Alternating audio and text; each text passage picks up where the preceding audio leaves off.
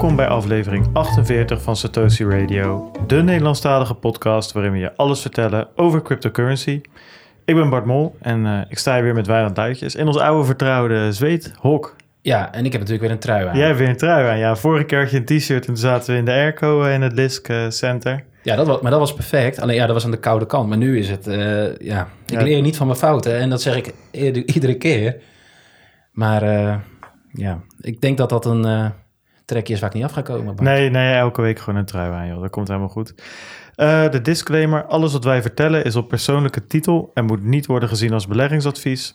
We zijn bereikbaar via Telegram en Twitter. De links vind je op www.satoshiradio.nl. En je kan ons ook op diverse manieren steunen. Ook deze links vind je op de website. En uh, ik heb die, die BAT-integratie nu gefixt voor de Brave browser. Waar jij al een paar weken over aan het oreren bent. Maar ik moet zeggen, het werkt wel goed. Onze website en YouTube-kanaal is nu uh, Brave Verified, zoals dat dan heet. Ja, het was nog best wel een gedoetje, zag ik. Maar die dashboard aan de achterkant, wat je, wat je liet zien, dat was best wel. Uh, ja, het, het, het, het, het, Verified maken, dat was eigenlijk zo gepiept. Uh, je moet dan een WordPress plugin even installeren op je website. Dat is allemaal niet zo lastig. Hmm. Um, alleen dan, ja, ik weet nog niet precies hoe dat gaat werken, maar om dan daadwerkelijk je rewards, je BAT tokens, zeg maar weer uit te laten betalen, zit er een andere plugin achter of zo. Uphold heet dat. Oh ja, ja. En um, ja, daar moest ik volgens mij helemaal verified te zijn, toch weer een paspoort of iets uh, op nou, gaan. Laten we toch gewoon even afwachten hoe dat uh, Dus we moeten eerst maar eens kijken hoeveel er daar gedoneerd gaat worden. Uh, en dan weet iedereen meteen ook wat mijn prijs is om mijn paspoort ergens, ergens heen te sturen. Dus dat is wel leuk. Maar ik moet zeggen, die Brave browser, eh, dat, dat uh, heb jij misschien wel... Of, nee, trouwens, ik praat dit tegen onze gast, maar die heb ik nog niet eens geïntroduceerd. Doe dat eerst anders even. Dan ik gaan we daarna weer gewoon een half uur over nee, Brave. dat ga ik eerst doen, inderdaad. Um, want we hebben een uh, expert op het gebied van uh, regulatie en financiële markten in de studio. Um, als advocaat bij het kantoor De Brouw Blackstone Westbroek. Dat is denk ik niet in, uit origine zo genoemd. Er zijn denk ik wat dingen samengekomen houdt hij zich vooral bezig met het adviseren van uh, financiële instellingen op het gebied van nieuwe en bestaande uh, regelgeving. Ik heb het over niemand minder dan Christian Gottlieb. Christian, welkom. Dankjewel, leuk om hier te zijn. Ja. En heb jij de Brave browser? Dat was de vraag. nee, nee, ik heb hem nog niet, maar ik heb jullie er wel eerder over, over ja. gehoord. Dus uh, ik, ik, ben benieuwd. Ja, het is. Um, ja, ik, ik moet zeggen, ik, um, ja, het lijkt gewoon heel erg op Chrome. Hij loopt wel vaker vast dan Chrome, dat is minder. Maar er zit dus automatisch zitten die tokens en zo erin. En um, ja, ik weet niet, het zou misschien ook met Bitcoin kunnen of whatever. Dat maakt me niet zo uit. Maar puur gewoon het feit dat er zo'n een, een token-integratie zit, een digitale manier om iemand wat van waarde te geven, is gewoon heel tof. Weet je, van mijn part zou het ook met Bitcoin kunnen. Misschien is dat nog beter. Maar ik vind het gewoon heel gaaf om naar een YouTube-kanaal te gaan, een leuk filmpje te zien en direct vanuit mijn browser wat een euro te kunnen doneren of twee euro. Zonder dat ik daar allemaal hassle heb van PayPal en allemaal andere moeite. Ja, nu heb je natuurlijk eerst die tokens nodig. Dus het is altijd, blijft nog wel een stapje. Maar goed. Ja, uh, dat is waar. Maar dan, ja, dan koop je 50 van die tokens of 100 van die dingen. Ik, ik heb wel eens, als ik, als ik naar een streamer kijk en je wil een donatie doen of zo, dan moet je dus... Dat kan via Twitch en via YouTube, maar veel van die streamers gebruiken een externe plugin, omdat er dan minder afgeroomd wordt. En dan moet je daarop klikken en dan moet je daarheen. En dan moet je eerst met PayPal of met je creditcard weer een soort van inloggen. En dan kan je wat sturen en dan word je weer teruggestuurd. Dus het is heel, uh, dit is heel mooi geïntegreerd. En dat is denk ik, verlaagt die drempel om uh, te doneren. Maar we, we, worden niet gesponsord door Brave. Hè? Dat, mensen, ja, wat, dat wordt nee, nee helemaal soort, niet. Uh... Maar ja, weet je, als je dan eindelijk een keer een crypto project ziet... wat enigszins een werkend product ja, heeft... dan is het er wel leuk om daar een keer over te hebben. En um, ja, nou ja, uh, we gaan zien hoe dat werkt. Um, dus dat. Dus even kijken. Ja, ik denk dat we maar meteen uh, de stellingen op je af gaan vuren. Leuk. Ready? Ja, helemaal klaar voor. Oké. Okay. De eerste, Satoshi of Vitalik? Vitalik. PSD2, ja of nee? Ja. Alright. Uh, Bitcoin of euro? Euro. Een toga of een trainingspak? Oeh. Ja, dan toch de toga. Hardware wallet of rekening bij de bank? Hardware wallet. Roeien of hardlopen? Roeien. Dat is duidelijk. en hebben we de laatste regulatie een, gevaar of een kans? absoluut een kans. Absoluut een kans, oké. Ja, we zitten ondertussen altijd alles meteen even uh, bol te maken in ons script, zodat we daadwerkelijk nog weten wat de antwoorden waren. Dat is toch altijd lastig. Uh. Hey, is er eentje waarvan jij zegt van nou, daar wil ik nog wel wat meer over vertellen of maar even uitweiden over mijn antwoord? Um, ehm, PSD2, dat vind ik wel een interessante. Ja. ja. Wat is het nou eigenlijk? Laten we daar eventjes... PSD2, dat is de, de herziening van de richtlijn voor, voor betaaldienstverlening. Die is onlangs in een Nederlandse wet geïmplementeerd. Um, dat, wat dat doet is eigenlijk... Het zorgt voor een, een nieuw regelgevend kader rondom met name uh, een aantal nieuwe betaaldienstverleners in die markt. Het is een, het is een herziening die erop gericht is om met name uh, ervoor te zorgen dat, dat nieuwe technologieën worden meegenomen in de, in de regulering. Maar zie je dat dan ook al gebeuren? Want wat ik, dus ik, ik, ik ken ook inderdaad de PC2 wat ze willen bereiken. Dus je stellen data van bankrekeningen open voor derde partijen. Dus met consent. Met consent. Dus ik geef inderdaad iemand toegang tot mijn bankrekening. Dus ik haal eigenlijk die macht bij de banken deels weg. Dat zij het alleen hebben.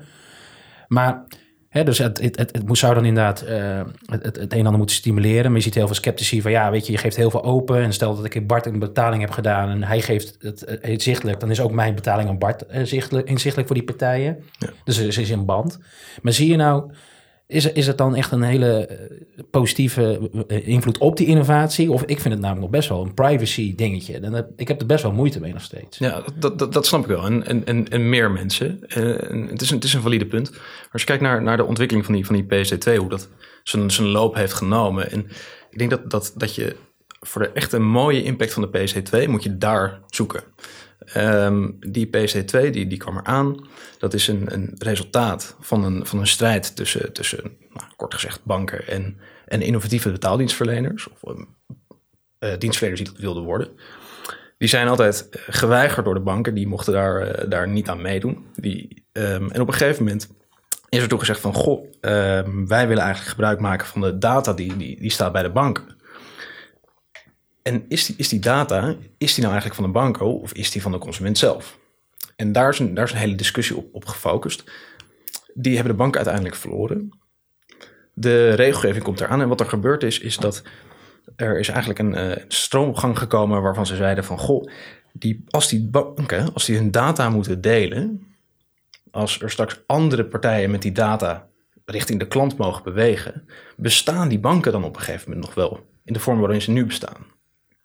En dat heeft er eigenlijk voor gezorgd dat die banken zelf ook heel erg naar hun eigen bedrijfsmodel zijn gaan kijken.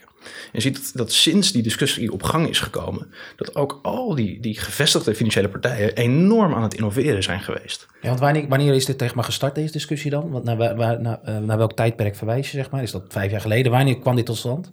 Um, de uh, eh, PSD2 is uit mijn hoofd in 2015 is die vastgesteld. En het is vanaf, um, vanaf 2011 tot die tijd ongeveer is die discussie gelopen. En hij is net live, om het maar even in software termen te zeggen. Ja. Toch? Ja. Sinds begin dit jaar volgens ja, mij. Ja, Rabobank er een keer een outing van in de, in de pers inderdaad. Als, ja, maar er is een hele campagne volgens mij vanuit de overheid... om aan te geven van wat is PSD2 banking? En vooral om dat stukje consent heel duidelijk te maken van... geef dat nou niet zomaar. Omdat dat een beetje de taak van de overheid is om hun burgers te informeren dat consent wel wat betekent. Hè? Dat je niet zomaar overal ja, ja, ja, vink, vink, vink moet klikken. Ja. Uh, omdat je wel daadwerkelijk inzicht, inzage geeft in, in je bankgegevens. Ja. Ja, en, en op zich regelt de PZ2 ook dat ja, die consenten die mag niet ergens weggestopt zitten. Dat moet wel expliciet gebeuren. maar de vraag is natuurlijk maar, ja, wat is daarvan de impact? Hoe, uh, ja, hoe zijn, bewust zijn mensen zich daarvan? Wat, wat natuurlijk, het, het, uh, wat je vaak hoort, en daar ben ik het ergens al mee eens, we zijn inmiddels zo geconditioneerd om op akkoord te klikken. Uh, zeker als iets op een scherm verschijnt. Ik bedoel, je hebt, je hebt, uh, dat begon vroeger al met, met, met, met al, die, al die games en software, uh, met, met de terms, uh, de terms en wat, wat, hoe heet dat hele ding? Terms and usage of zo. Conditions, alles. Maar gewoon in ieder geval een boekwerk van 50, 50 bladzijden en iedereen, ja, ik ben akkoord. Ja, ja. En dat kreeg je daarna met de cookies en met, met Facebook, apps, sociale media. Ja, dus dit, ja, weet je, je kan het alsnog heel groot neerzetten, weet je wel. Maar doe er een groen kleurtje achter en bij de andere een beetje een rodig kleurtje of zo. En je bent, al, ja. uh, je bent er al. is heel lastig, want ik denk zeker dat er heel veel mooie... Het zijn heel veel mooie ideeën die ik zelf best wel zou willen gebruiken. Maar wat, wat is daar een voorbeeld van? Wat, je hoort heel vaak het huishoudboekje. En ehm, ik heb niet echt inzicht in mijn, in mijn uitgaven. Ja, wel wat er inkomt en wat er uitgaat. Maar ik- het lijkt mij heel gaaf. Ik zag laatst Apple, die was daarmee bezig... omdat ze natuurlijk ook met Apple Pay nu zo'n creditcard aan gaan bieden... die direct gelinkt is met je app. En je ziet gewoon dat zo'n softwarebedrijf als Apple... eh, veel meer ervaring heeft om dat op een mooie manier, de, de user experience veel mooier te maken. Dus je kon helemaal doorklikken en je kon precies direct in een pie chart zien waar je geld eh, eh, Mm. naartoe ging en hoeveel je daaraan uitgaf en waar je op zou kunnen besparen en of het uit het lood geslagen was. En je- dat lijkt me heel mooi. En nu, wat je nu moet doen, ik heb wel eens geprobeerd, je hebt daar van die tools voor. Moet je naar je, je banking app gaan, een CSV uitdraaien. Dan moet je allemaal handmatig, of in ieder geval dat wordt dan ingeladen. Dan moet je het handmatig gaan labelen in een soort van halve ja, database-achtige editor of zo. Ja, dat werkt allemaal niet zo fijn. En als je dat gewoon in een app hebt, ja, ik denk dat het heel, heel fijn is. Alleen dat is een beetje het probleem wat je tegenwoordig met, met die data-analyse, tooling en AI en dat soort dingen ziet. Het is allemaal heel handig, maar waar eindigt het? Dat is een beetje het, eh, denk ik, het verdere, eh, de verdere vraag. Van wat, wat blijft er nog over op een gegeven moment, zeg maar. Als je al dat soort dingen, al je data maar weggeeft. Ja, het wordt makkelijker voor jezelf, maar op een gegeven moment weet iedereen wie je bent. Of in ieder geval die grote bedrijven. Nou, Dus dat zeker is, voor Apple, weet je. Dat is natuurlijk een stukje missende informatie nog. Hè. Dat is payment gedrag. En dat is natuurlijk heel veel waarde. En zeker en denk aan Google. Als je advertenties doet en je kunt het tot een betaling volgen... dan Ja. kun je ook nog eens meten of het daadwerkelijk een payment is. En dan kun je ook nog eens een, een, een Ja. Zalando chargen van... kijk, deze, deze klik heeft tot een daadwerkelijke cel geleid.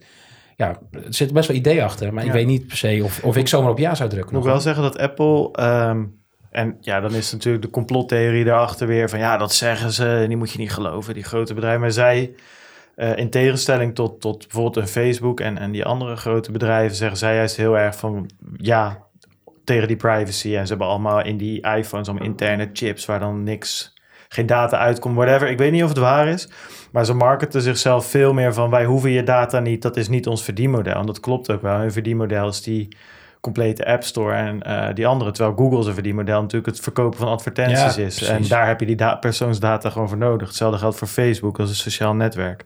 Dus op zich zou het ook nog wel kunnen. Maar ja, aan de andere kant, als er zoveel geld te verdienen is met die data, dan ben je gek als je het niet doet, zou je bijna zeggen. Dus ik weet het ook niet, maar dat is meer ter achtergrondinfo. Want herken je, die, eh, herken je deze discussie die we hierover hebben? Of zeg je van ja, dit is eigenlijk... eh, Nou, ik, ik ik herken het wel. Ik- eh, althans, ik herken de zorg. Ehm, eh, wat, wat je wel in het achterhoofd moet houden met dit soort dingen. Je, je deelt die data van je bankrekening. Maar het is niet zo dat die partijen met wie je die, die data deelt... opeens alles met die data mag doen. Die mag dat maar alleen gebruiken voor de dienst die die verleent. En dat is in dit geval is dat die betaaldienst. Dus het maken van dat, dat geconsoleerde overzicht, dat huishoudboekje ja, ja. bijvoorbeeld. Ja, dan ben ik altijd natuurlijk... Goed, eh, Facebook eh, mocht ook niet eh, data verkopen voor politieke doeleinden. En dat is natuurlijk... Ja, de- of, het is niet per se dat Facebook dat heeft verkocht... maar ze hebben het in ieder geval niet voldoende beschermd om dat te voorkomen. Dat, dat is waar, maar, maar Facebook heeft wat dat betreft geen, geen vergunning daarvoor. En deze partijen die hebben straks wel een, een, een door DNB verleende vergunning. Denk, je, denk je dat Facebook niet gaat applyen voor zo'n... je hebt verschillende versies, toch? Eentje dat je het eh, ook wil, kunt inzien of iets dergelijks. Ik ja. Ja, ja. Want dat is misschien wel, wel, goed, want ik hoorde jou net ook eh, eh, zeggen, toegang tot de bankrekening zijn natuurlijk twee, volgens mij, maar correct me if I'm wrong, jij bent de expert, Christian, dat, dat eh, toegang tot de bankrekening, zeg maar tot de informatie die erop staat. Dus iemand die krijgt eigenlijk mijn rekening eh, overzichten te zien en kan daar hè, zo'n huishoudboekje op doen en wat analyse tooling op loslaten, maar kan voor de rest, het is net een beetje met die API's die je in kan stellen, hè, dus read access eigenlijk. Eh, maar met een API op Binance kan je ook write access doen. Dus dan kan bijvoorbeeld een bot voor jou gaan traden en dat soort dingen om het even in crypto te houden. Dat heb je hier toch ook een beetje, dat er echt acties uitgevoerd kunnen worden op jouw rekening. Ja, je hebt aan de ene kant heb je dus die, die account information service providers. Dat Ja. zijn dus de, die, die, die tooling erop loslaten, die de analyses doen, die een huishoudboekje maken. En je hebt de payment initiation service providers. En eh, die maken eigenlijk eh, namens jou een betaling. Dus die, die, die machtig je in feite om bij jouw bank een betaling uit te voeren. En wat voor use case zou daarvoor zijn? Een voorbeeldje? Ehm, eh, nou, hier in, in Nederland ehm, zullen we dat niet zo heel snel zien, want wij zijn vrij verwend met, met Ideal. Ja, Dus eh, op het moment dat wij wat willen betalen online, eh, wij, wij, wij gebruiken Ideal en die zorgt voor, de, voor het overboeken. Ehm, maar als je naar jurisdictie kijkt waar bijvoorbeeld nog heel erg veel de creditcard gebruikt wordt, omdat er anders geen, geen mogelijkheden zijn voor de merchant om betalingen te accepteren, dat is namelijk heel erg duur, dan zou zo'n partij zou uitkomst kon- kunnen bieden. Ja. ja, dan zegt er komt er dus een innovator dus die die schakel kan leveren voor een veel Precies. goedkopere prijs. Precies, precies. Ja. Ja, ja, het is heel... eh, ik, ik vind Ja, maar dat is ook wat doen- we doen het met crypto en blockchain natuurlijk ook altijd weer op ons stulpje van ja, wat- dat is hier helemaal geen use case misschien of hè, we, we hebben het hier. Maar wederom in ons betalingsverkeer in Nederland is natuurlijk ook wel een van de beste en snelste en goedkoopste wereld. Absoluut. Dus het is ook heel moeilijk om daar tegen te concurreren. Eh, maar ja, we zijn natuurlijk best wel een klein stipje op die, grote bol. Ja, maar dat is sowieso natuurlijk bij heel veel dingen die hier spelen. We hebben met heel veel dingen gewoon best wel goed, zeg maar. En dat betekent niet dat er niks te verbeteren is, maar dan is het lastiger om zo'n use case inderdaad eh, te laten zien voor zoiets. Dat ben ik met je eens. Ehm, ja, nee, daar, daar, daar, hier gaan we straks nog veel, veel dieper in, denk ik. Eh, dus ja, we, we krijgen wel eens te horen van dat we van hot naar her springen altijd een beetje en een beetje van het gebaande pad afgaan. Nou kan je al voorspellen dat dit zo'n aflevering eh, gaat worden, want hier kan je echt alle kanten mee op. Eh, ik denk gewoon qua keiharde regelgeving kijken wat daar goed aan is of mis mee is, maar ook vanuit een ethisch perspectief wat er mis mee is of juist goed, eh, goed aan is. Anyway, we gaan het deze week natuurlijk weer het nieuws van de week behandelen, de marktupdate. En daarna gaan we met Christian verder praten over regulatie in de financiële markten. Dus het nieuws van de week, mede mogelijk gemaakt door onze vrienden van Lekker Cryptisch. Ehm, ja, daar we hebben de podcast awards nog steeds staan natuurlijk. Hè? Ik las dat er al eh 10.000 keer gestemd is. Ja, ik wil, wil alle 10.000 voor jullie bedanken dat, dat jullie op ons gestemd hebben. Nee joh, dat... ehm, ja, er wordt dus veel gestemd. En eh, het laatste in de Telegram kwam wees iedereen weer van... eh, ik heb gestemd, ik heb gestemd, joh, succes. Ja, thanks daarvoor, blijf lekker stemmen. En eh, ja, dan zien we het wel. Ja, Wij- motiveer wij ook gaan- anderen om te stemmen. Ja, ja of niet. Weet Of je, doe, niet, doe lekker ja. waar je zin in hebt. Wij gaan daar een pilsje drinken de zesde en dan zien we het wel, toch? Nou ja. Ja. Nee, we hebben de commitment. Jij en ik, smoking, die kant op. Ja, jij, het, het is straks weer 30 graden bij. Je Ah, staat hier elke week alweer te zeuren. En dan eh, staan we daar eh, met een zwetende kop in een smoking. Ehm, maar goed, je kan dus nog steeds stemmen. eh www.podcastawards.nl Eh, Je hoeft alleen maar eh, ons aan te klikken. En dan heb je al die andere categorieën kan je overslaan. Of ook wat aanklikken. Er staan ook hartstikke leuke podcasts tussen. En ehm, ja, dat. Hartstikke leuk. Het enige wat ik daar niet in snapte, eh, want je hebt inderdaad de laatste categorie volgens mij de, de, de hosten. En er staan alleen maar relatief bekende Nederlanders tussen. Ik snap niet helemaal waarom Jij die, niet tussen nou, nee, dat dat eh, de enige eh, selectiemogelijkheden zijn. Ja, ik weet het ook niet precies. Ik weet sowieso, er was natuurlijk heel veel commotie over die, eh, die podcast awards, omdat het natuurlijk zijn van BNR. die organiseert en er zitten allemaal BNR podcasts in. Ja, dat roept natuurlijk direct vragen op bij mensen. Ja, weet je, dus ehm, ik vind het leuk dat we erbij zitten. Sowieso. Ik vind het leuk dat er twee crypto podcasts genomineerd zijn in de tech categorie. Hè? Mainstream adoption hebben we het dan altijd over. It's happening, weet je wel. Het gaat nu echt gebeuren hoor. Twee crypto podcasts bij de BNR Podcast Awards. Ja, dan, dan weet je wel dat die bullrun er wel aan zit te komen, ja, Wijnand. makkelijk. Ehm, maar wat nog eh, eigenlijk, het, ja, eigenlijk het nieuws van de week, eh, de Binance hack. Heb je, heb je meegekregen? Zeker. Ja, nou, Dat, is, dat is mooi. Want daar gaan we het eventjes eh, over hebben. 7000 bitcoin eh, ja, gestolen waarschijnlijk. Dat is 40 miljoen eh, dollar. En ik vind het wel grappig. Er wordt overal gezegd van ja, het, het geld van de gebruikers is, is veilig. Hè? Funds are safe. Of safe. Zeevoer, ja. Ehm, maar dat is natuurlijk eigenlijk niet, niet... Ja, ik snap wat er bedoeld wordt, maar feitelijk vind ik het niet helemaal correct. Zeg maar, als mijn eh, huis afbrandt, dan is alle spullen ook niet... die erin afgebrand zijn, ook niet veilig. Weet je, de verzekering keert het uit, maar die spullen zijn natuurlijk gewoon weg. Ik kan wel nieuwe kopen en vervangers kopen. En wat er natuurlijk hier gebeurt, is dat ze... Wijnand en ik hebben het... ehm, wanneer was dat, joh? In december ergens of zo. Toen kwamen ze natuurlijk met dat fonds van, joh, toen werden er zoveel exchanges overal gehackt. Toen zeiden ze, wij gaan zo'n fonds maken. Eh, eigenlijk een verzekering, een potje eh, waar we dit soort dingen uit gaan betalen. En nou ja, nu kunnen ze dat gebruiken. Dus dat is natuurlijk wel netjes dat er uiteindelijk niemand echt benadeeld wordt. Maar die 7000 bitcoins zijn gewoon weg. Heb jij, dat nog, eh, heb jij nog een track-and-trace actie? eh, Nou, gedaan, nee, nee ja, ik ben er helaas niet eh, helemaal aan toegekomen. Ik zie wel inderdaad al relatief op Coindesk, die heeft ook altijd wel redelijk goede artikelen daarop. En zie ik al wel dat er gewoon movements zijn. En ik zag volgens mij ook een, een tweet vanuit Binance dat... ja, dat ze in contact zijn in ieder geval met heel veel exchanges. Ja. Om, als er fonds van bepaalde tracking, dat ze volgen en komt binnen, dat dat direct geblokkeerd wordt. Ik heb ook geen idee of ze al dingen hebben kunnen tegenhouden of al terug hebben gehad. Of eh, ik zie wel, is best wel grappig, Coindesk die zegt, ja, er is ook een transactie geweest van, van 1337. Ja, dat, eh, lead. Lead, ja, ja. Dat is dus best wel, oké, eh, ja, dat, dat is wel funny, want ja, dat is in de internettaal, wat betekent elite of zo? Of wat is het? Ja, ik weet dat het internet, lead speech heb je altijd. Ja. Dus met die nummers, eh Ja. 4 als A en 0 als, als, als O. Precies, daar, en, en Ehm. dat, dat transacties zijn geweest en dat soort hoeveelheden. En je ziet allemaal pijlen, alle kanten weer op gaan. Ehm, dus ik denk dat dit gewoon interessant is om eens een keer in te verdiepen. Dat zal ik later eens doen. Maar het is wel eh, bijzonder, want ze zijn via die API eh, en eh, two-factor authentication keys zijn ze naar binnen gekomen.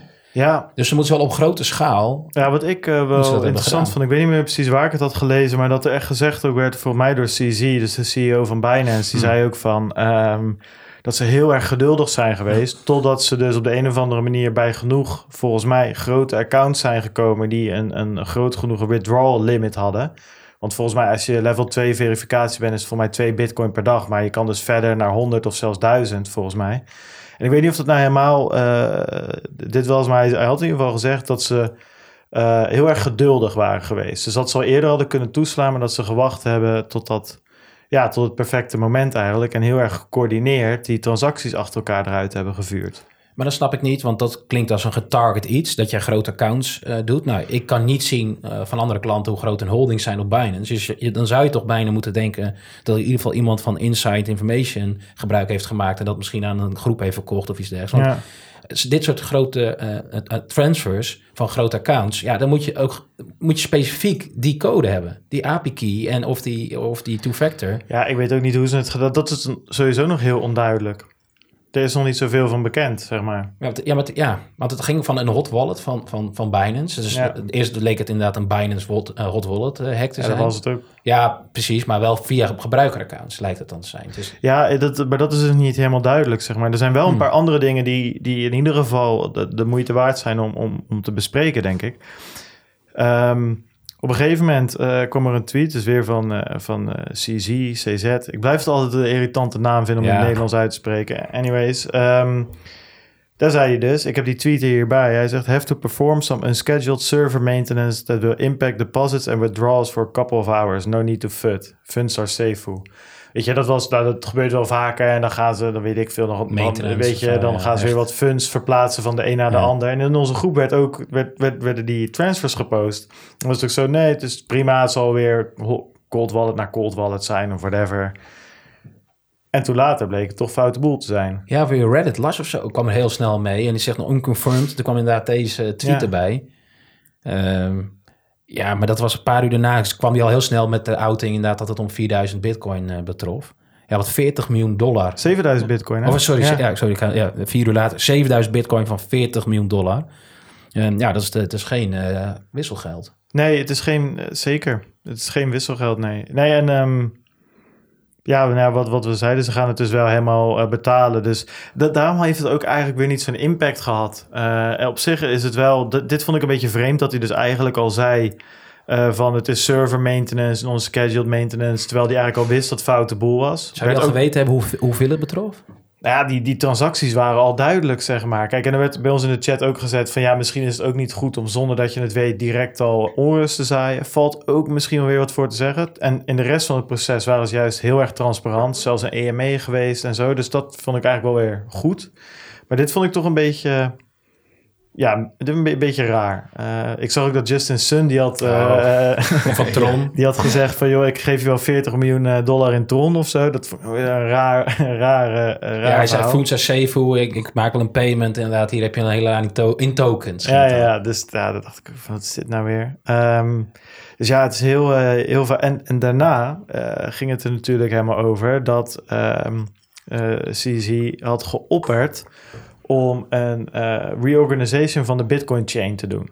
Dus om eigenlijk een beetje wat er met Ethereum en Ethereum Classic is gebeurd met die DAO-hack, om één chain terug te draaien. Dit was niet helemaal hetzelfde, want ehm, ja, dat ging weer helemaal in de details. Maar ze gingen dus niet een chain forken en eh, transacties terugdraaien.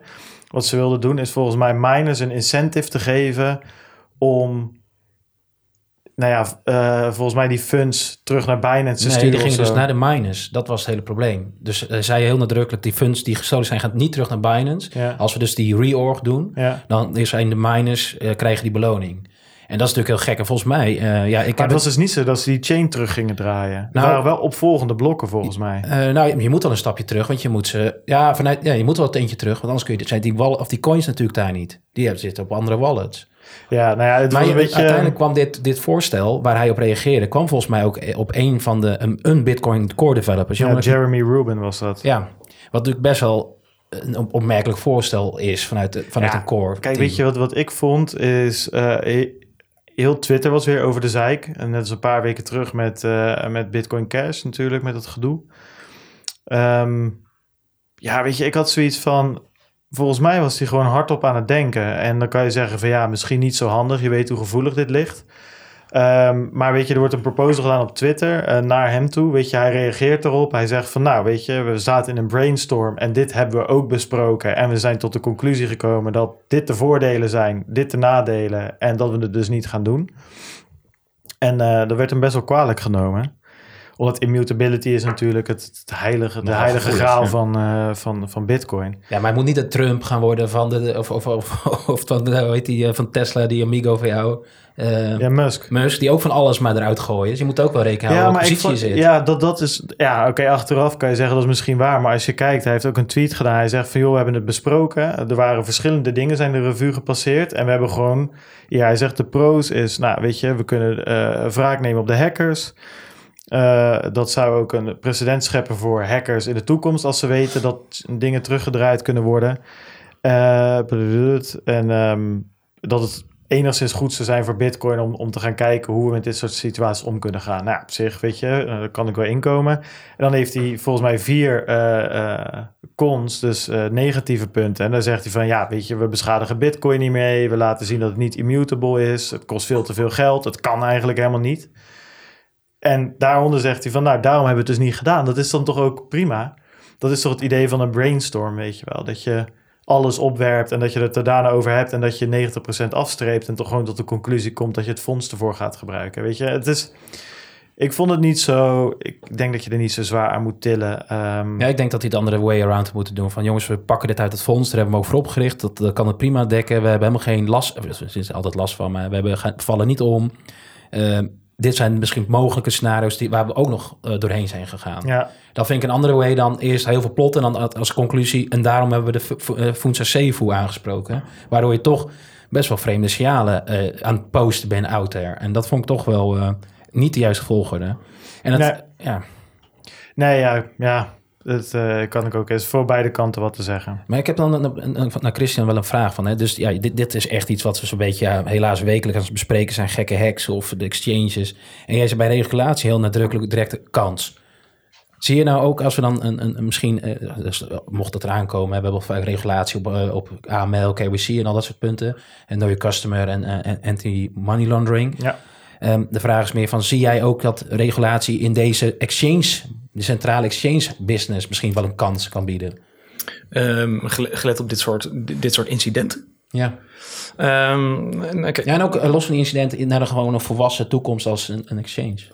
Nou, dat, dat sowieso. Eh, kijk, die regulation die er nu aankomt, met name op, op het gebied van, eh, van EML, dat, dat is een eerste stap natuurlijk. Eh, en we hebben ook al, onze toezichthouder heeft ook al gezegd van ja, deze regulation, dat is, dat is het uitgangspunt. Maar op het moment dat we zien dat dit nodig is, kunnen we nog wel additionele verplichtingen verbinden aan de vergunning die, die eraan zou zitten komen. Ehm, dus daar zie je al in dat, dat er aanvullende eisen opgelegd zouden kunnen worden aan dit soort partijen. Ehm, nou, daarbij denk ik ook aan, eh, aan beveiligingseisen. Ja, oké, maar je zie, zie je dat dan ook echt als een must als je dit dan zo hoort? Of vind je het dan een, een kans? Ik vind een kans, ja, kans kun je erin koppen of niet. En een, een, een, regelgeving is vaak een verplichting. Ja. Maar vind je dat echt op korte termijn snel nodig? Of zeg je, ja, dat heeft gewoon tijd nodig, mag nog wel even duren dan?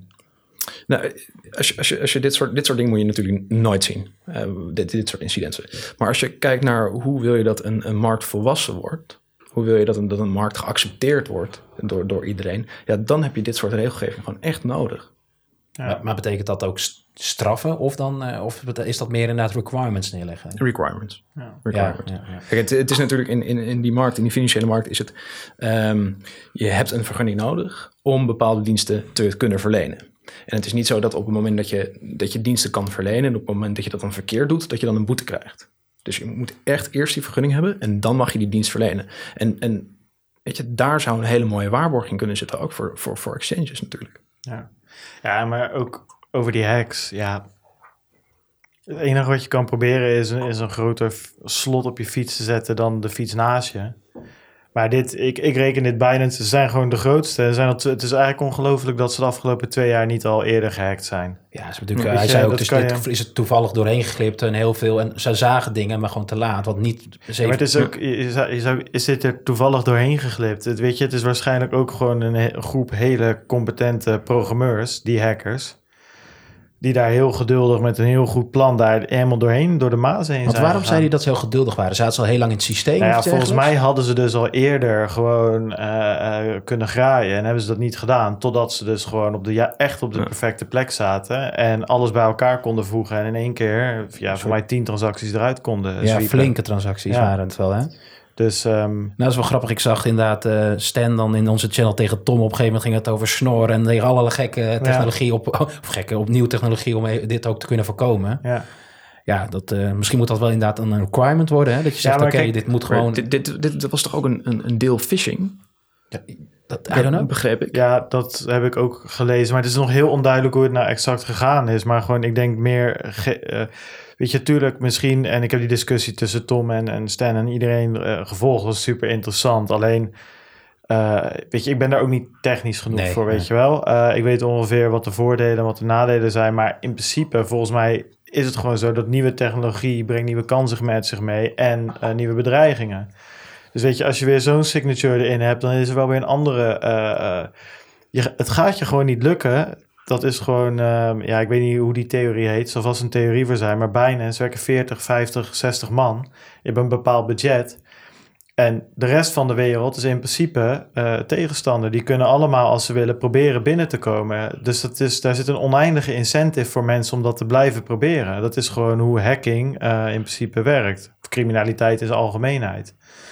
Ehm, weet je, dus dat, ja, Dus ze hebben altijd dat meer blijft- capaciteiten dan, jij als bijna zegt. ja, Ja, precies. En, en, en de incentive is ook veel groter om het te Ja. blijven doen. Want ik als hacker hoef maar, weet ik veel, een miljoen eruit te trekken. Terwijl het andersom eh, eh, weer, weer, weer anders is. Dus het is een beetje... ehm, je kan wel nieuwe dingen blijven implementeren. En dat moet je ook blijven doen. Alleen in principe blijft het gewoon zo dat het niet de vraag is of je gehackt wordt, maar wanneer en wat je dan doet. En ik vind dat ze dat best wel goed hebben afgehandeld.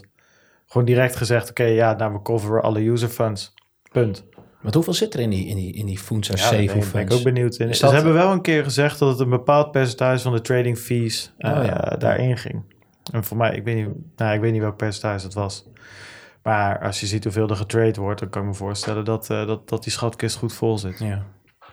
Nou ja, goed, dan was het eh, voor de users in ieder geval geen impact. Nee, nee, je ziet het ook, eh daar komen we straks in de marktupdate nog wel op terug, maar je ziet het ook eh, op de prijs. Zag je het niet echt.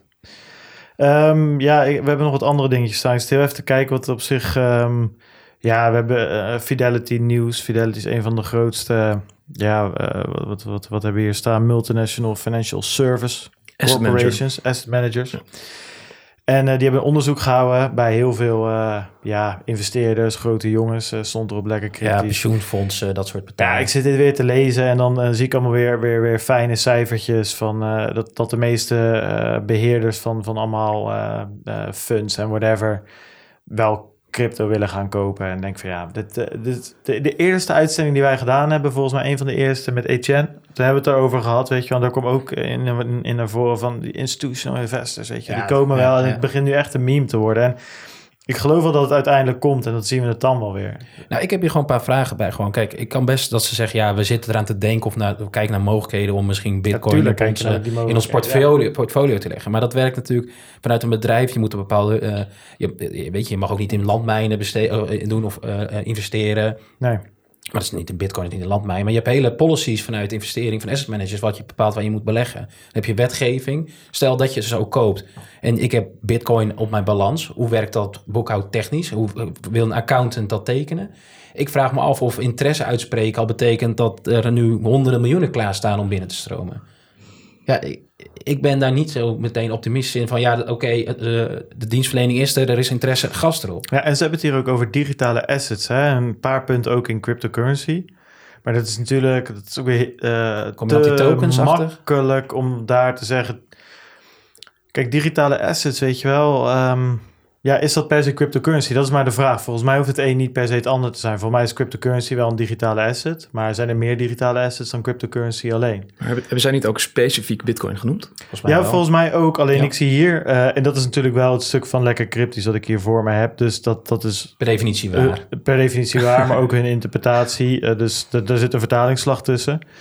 En zij hebben 72% wil, eh, wil in producten investeren die zijn blootgesteld aan digitale assets. En dan krijg je daarna 57% wil cryptovaluta direct aankopen. Dus dat, daar worden twee, die termen worden wel los van elkaar gebruikt. Ja, dus dus aan, eh, aan de ene kant heb je dan bijvoorbeeld eh, contracts for differences, denk ik. Dus die, die, die dus cryptovaluta als, als onderliggende waarde hebben. Ja, En aan de andere kant heb je dus cryptovaluta die dus in, onder eigen beheer zit, Ja. om het zo maar te zeggen. Ja, dus backed is volgens mij dan die eerste, toch? Waar je naartoe verwijst. Precies. ja, precies. Maar ik bedoel ook digitale assets. Dat kan toch ook nog gewoon iets anders zijn. Eh, weet ik veel. Een, een, een, een...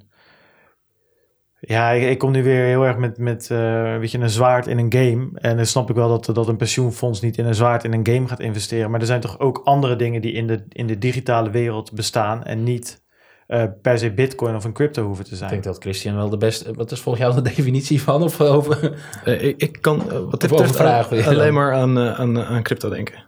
Ja, of dan asset tokens of zo. Ja, het- ik, ben- ja goede vraag.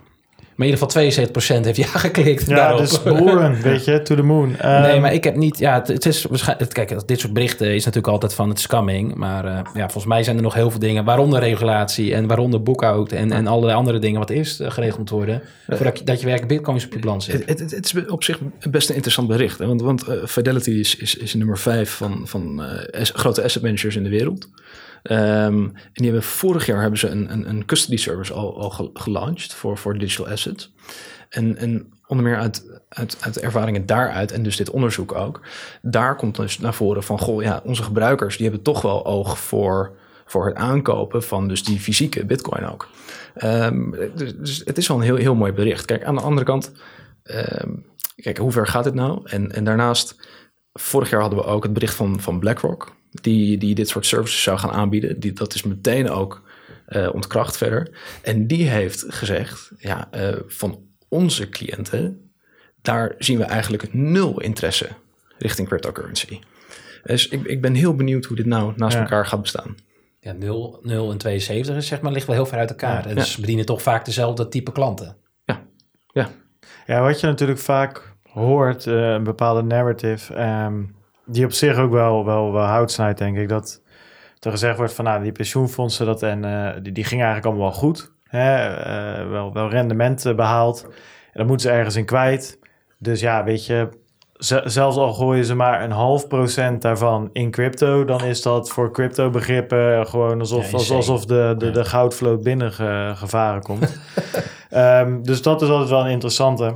Ja, ja, we gaan het zien. Maar daarom vind ik het zo lastig. Je hoort van alles en je hoort het al een jaar. En dan denk ik altijd van ja, nou ja. Ja, ik weet het niet, weet je. Er zijn zoveel bedrijven die van die eh, CEO-surveys houden. En dat zegt ook weer helemaal niet zoveel over het bedrijf die die survey houdt vaak. Ik weet ook niet wie het namens bedrijf heeft ingevoerd.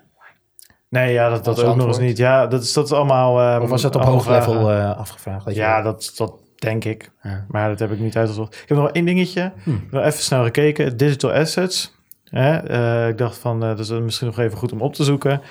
Dat kunnen dus eigenlijk foto's zijn, logo's, illustraties, animaties, films, presentaties, spreadsheets, noem maar op. Alles wat dus digitaal leeft en geen eh, fysieke evenknie heeft. En ehm, er moet dus een, een right to use bij komen. Dus bijvoorbeeld bij een film, weet je, dat, dat maak ik. En dat mag niet iedereen zomaar gebruiken. Een soort intellectual property.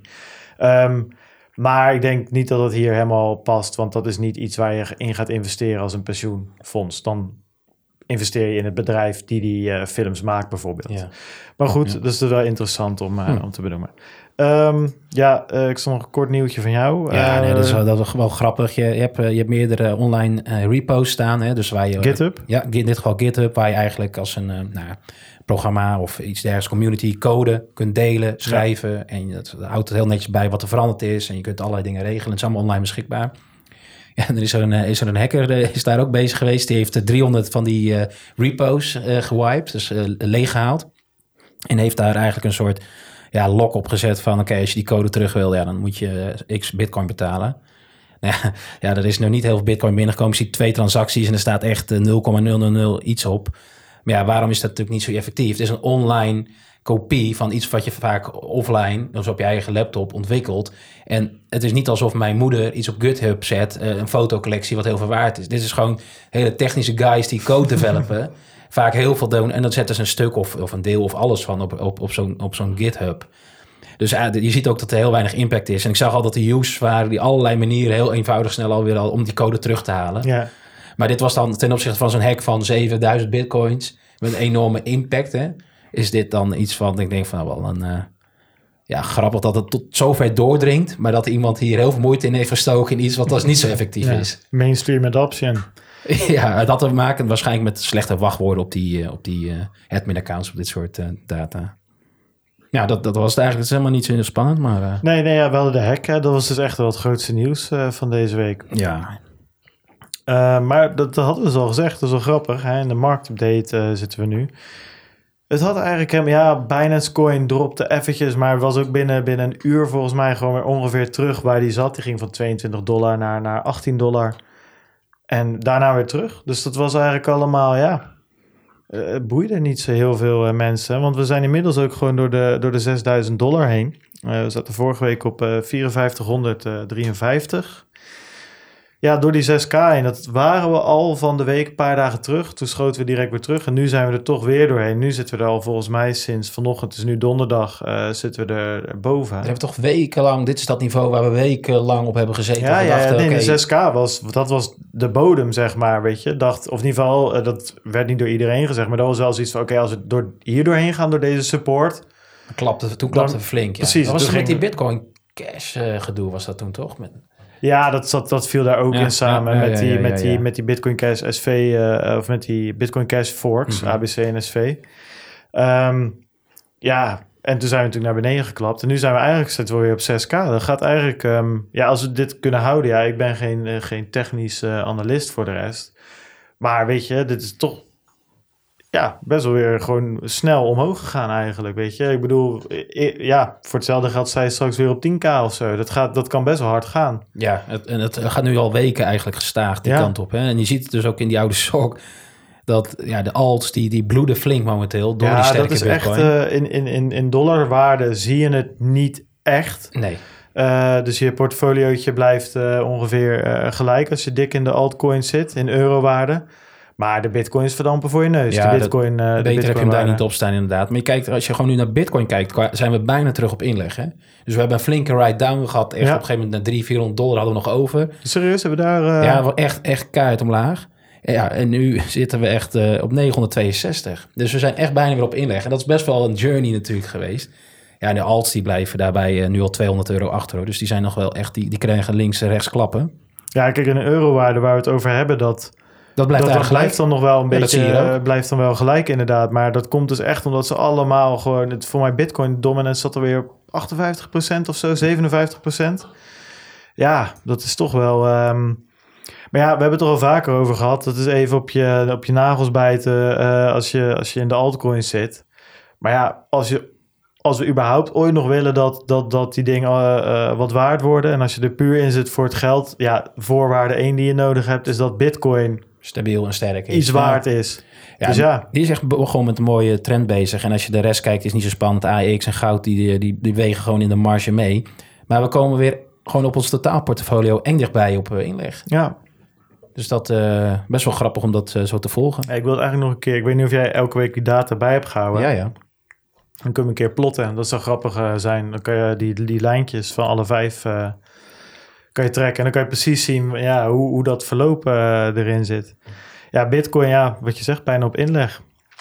Ja, we hebben, wij hebben echt net gekocht en daarna zijn we helemaal uh, ja, Rond die zes, omdat het ja. toen zo lang er zat, denk ik, oké, nou, nu is een mooi moment. ja. ja, nou ja, we gaan het zien. Uh, wie weet dat we binnen het jaar nog uh, op inleg komen. Maar um, nou, dat zien we volgende week alweer. Um, ja, nee, dus dat waren de vaste items allemaal. En dan gaan we nu verder met Christian. En ja, het was een beetje uh, lastig, want wij hebben elkaar natuurlijk eerder gesproken en uh, gevraagd van, lijkt je het leuk om een keer in de podcast langs te komen? En we hadden het er vandaag nog even over. En we zitten eigenlijk een beetje tussen wal en schip op dit moment. We hebben een tijdje terug, in december, uh, kwamen al die aankondigingen van al die nieuwe financiële regelgeving. Ze kregen de WFT met die um, anti-money laundering en know your customer voor al die bitcoin brokers in Nederland die daar opeens aan moesten voldoen. Uh, PSD2 wat we net noemden. Dus er speelt van alles.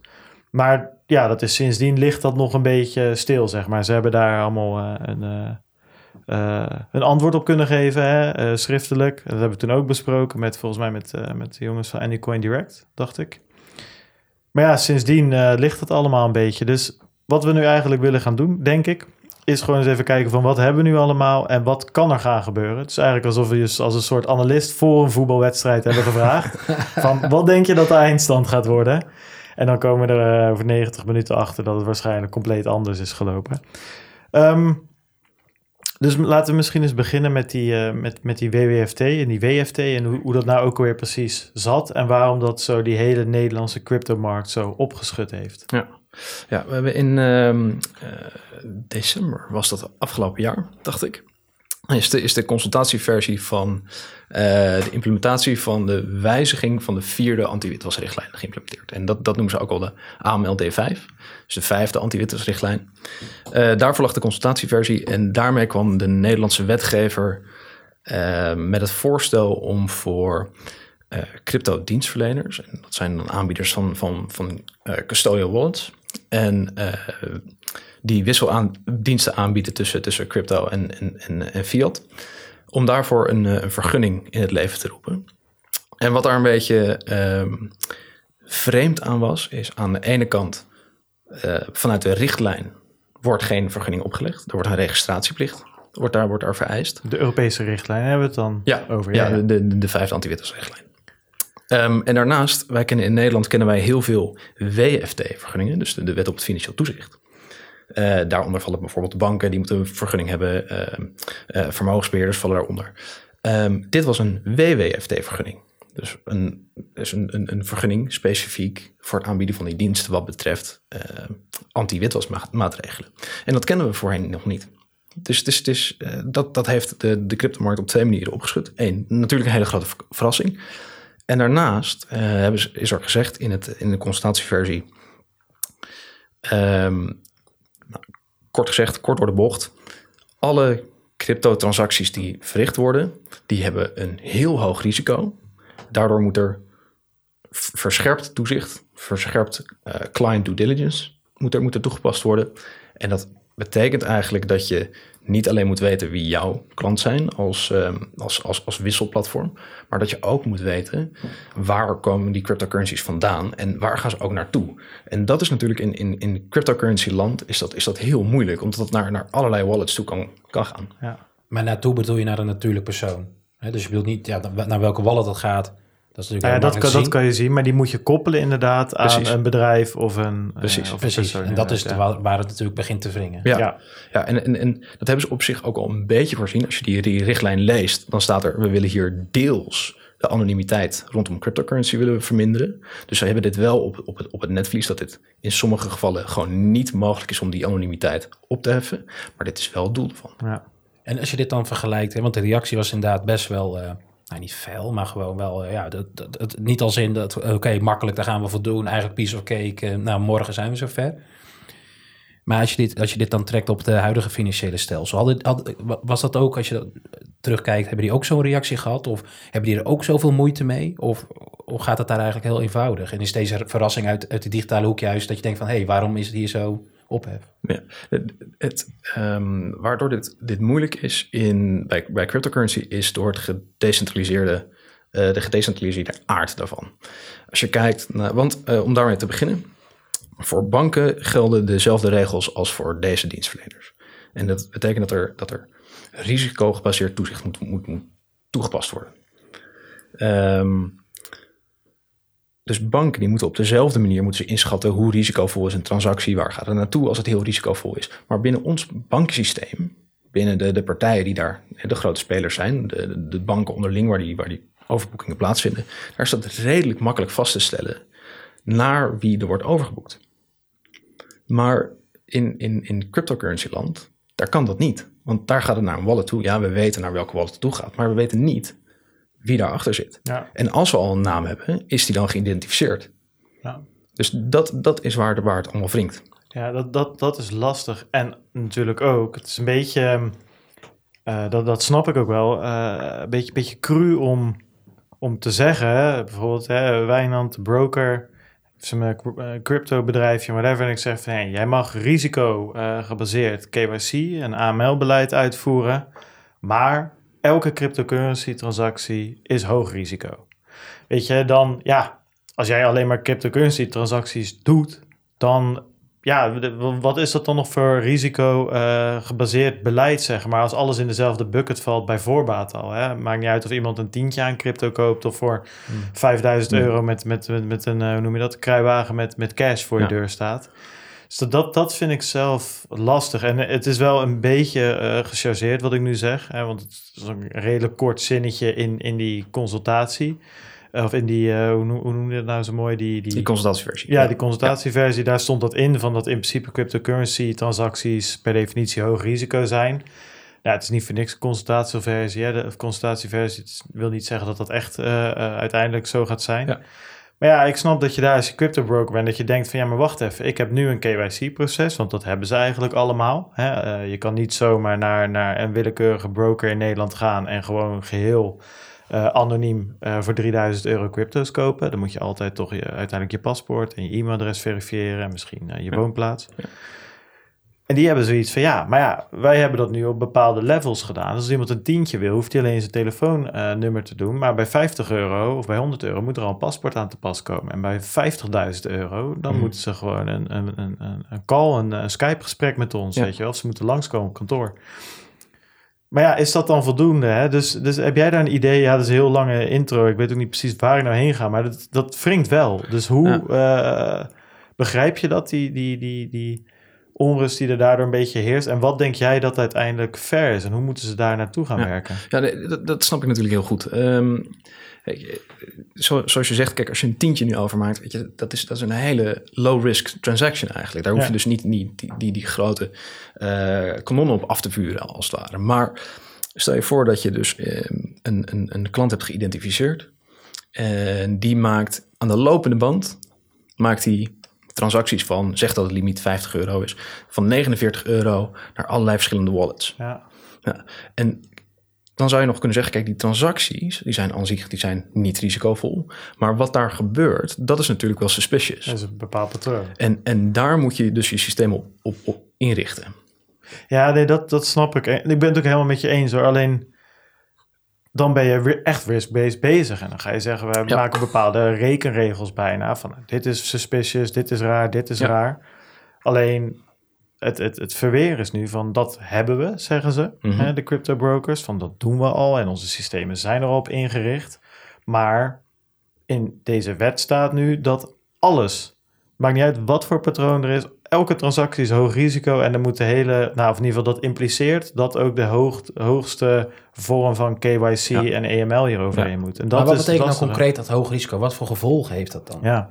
Dus in, in, uh, voor, voor, normale transacties, zullen we maar zeggen, um, daar moet je dus je, je, je, cliënt voor kennen. Daar, als, je, als je die zakelijke uh, transactie verricht. En dan moet je, moet je weten wie dat bij jou doet. Um, op het moment dat je zegt van ja, deze transactie is op wat voor manier dan ook veel meer risicovol, dan moet je verscherpte, verscherpte maatregelen nemen. En daaronder valt onder, onder meer dat je moet weten waar die fondsen dus vandaan komen. Dus dat er een, een extra laag die er bovenop komt op die WWFT-vereisten op het moment dat de, risico, de transactie risicovol is. Ja, dus het is ten eerste heel erg moeilijk in, in, de, in de cryptowereld. Ja. En daarnaast heeft het gewoon een enorme kostenaspect, als ik dat ja. zo hoor. Want, hè, want je zult dat moeten uitzoeken, je zult systemen moeten kopen of bouwen die dit kunnen monitoren. Nou, op de ik weet wel, op de normale financiële markten zijn er systemen die dat hè, monitoren. Ja. Um, Maar wat zou dan in de traditionele markt een hoge risicotransactie zijn, om dat even in contrast te zetten?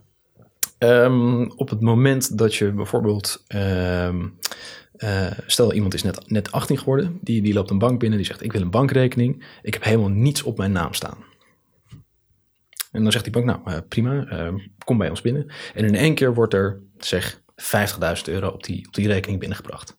Nou, daarvan moet een bank bijvoorbeeld zeggen, wacht even, dit, dit is raar, dit klopt niet.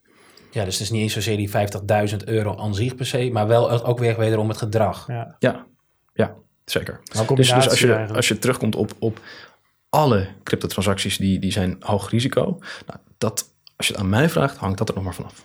Nee, precies. Ik denk, ik denk ook dat dat uiteindelijk niet haalbaar is. Eh, maar ik snap dat, dat, dat eh, zeg maar, als ik een crypto broker zou zijn en ik zou dat lezen en ik zie die zin daar zo staan, dan zou ik er ook over struikelen. Dat is eigenlijk het, het punt, omdat dat denk ik gewoon niet te doen is. Ehm, ik denk wel, en misschien is dat wel wat ze uiteindelijk bedoelden, is dat cryptocurrency aan zich, mede door het vooral decentrale en het immutable karakter dat het heeft, dat zo'n transactie misschien daardoor eh, inderdaad impliciet eh, een, ho- een hoger risico Ja. heeft. Omdat je het niet terug kan draaien, eh, omdat het nou, moeilijker ehm, eh, te zien is, zeker in ons traditionele systeem, wie daar aan die andere kant zit. Dat, dat snap ik wel. Alleen je kan wel zien dat er 0,001 bitcoin van de een naar de andere Ja. kant gaat. En daar kan je best zeggen, nou, dit is zo weinig. Dat, Ja. dat, dat, dat, ja, daar hoef ik niet te weten wie er aan de andere kant Ja, zit. waar, dat, waar dat hoge risico vandaan komt. ehm, er zit in, in, die, in die richtlijn, daar zit eigenlijk een, een, een, objectieve en een, en een subjectieve norm in voor, voor hoe risicovol een transactie is. En objectief wil zeggen we- dat bijvoorbeeld de Europese Commissie of de Financial Action Task Force eh, daar zich heeft over uitgelaten. En in het geval van cryptocurrency hebben ze dat gedaan. Ze hebben gezegd van joh, dit, dit zijn producten die gewoon anonimiteit bevorderen. Ehm, nou, dat is één van de voorwaarden die in de richtlijn genoemd worden, die ze aanstippen als dit is een reden, dit zou een reden kunnen zijn om dus verhoogd risico op je transactie te hebben en dus verscherpt toezicht toe te passen. En daarnaast het subjectieve onderdeel, dat is dus de, eh, een analyse van de instelling zelf, van, van eh, de crypto-dienstverlener zelf.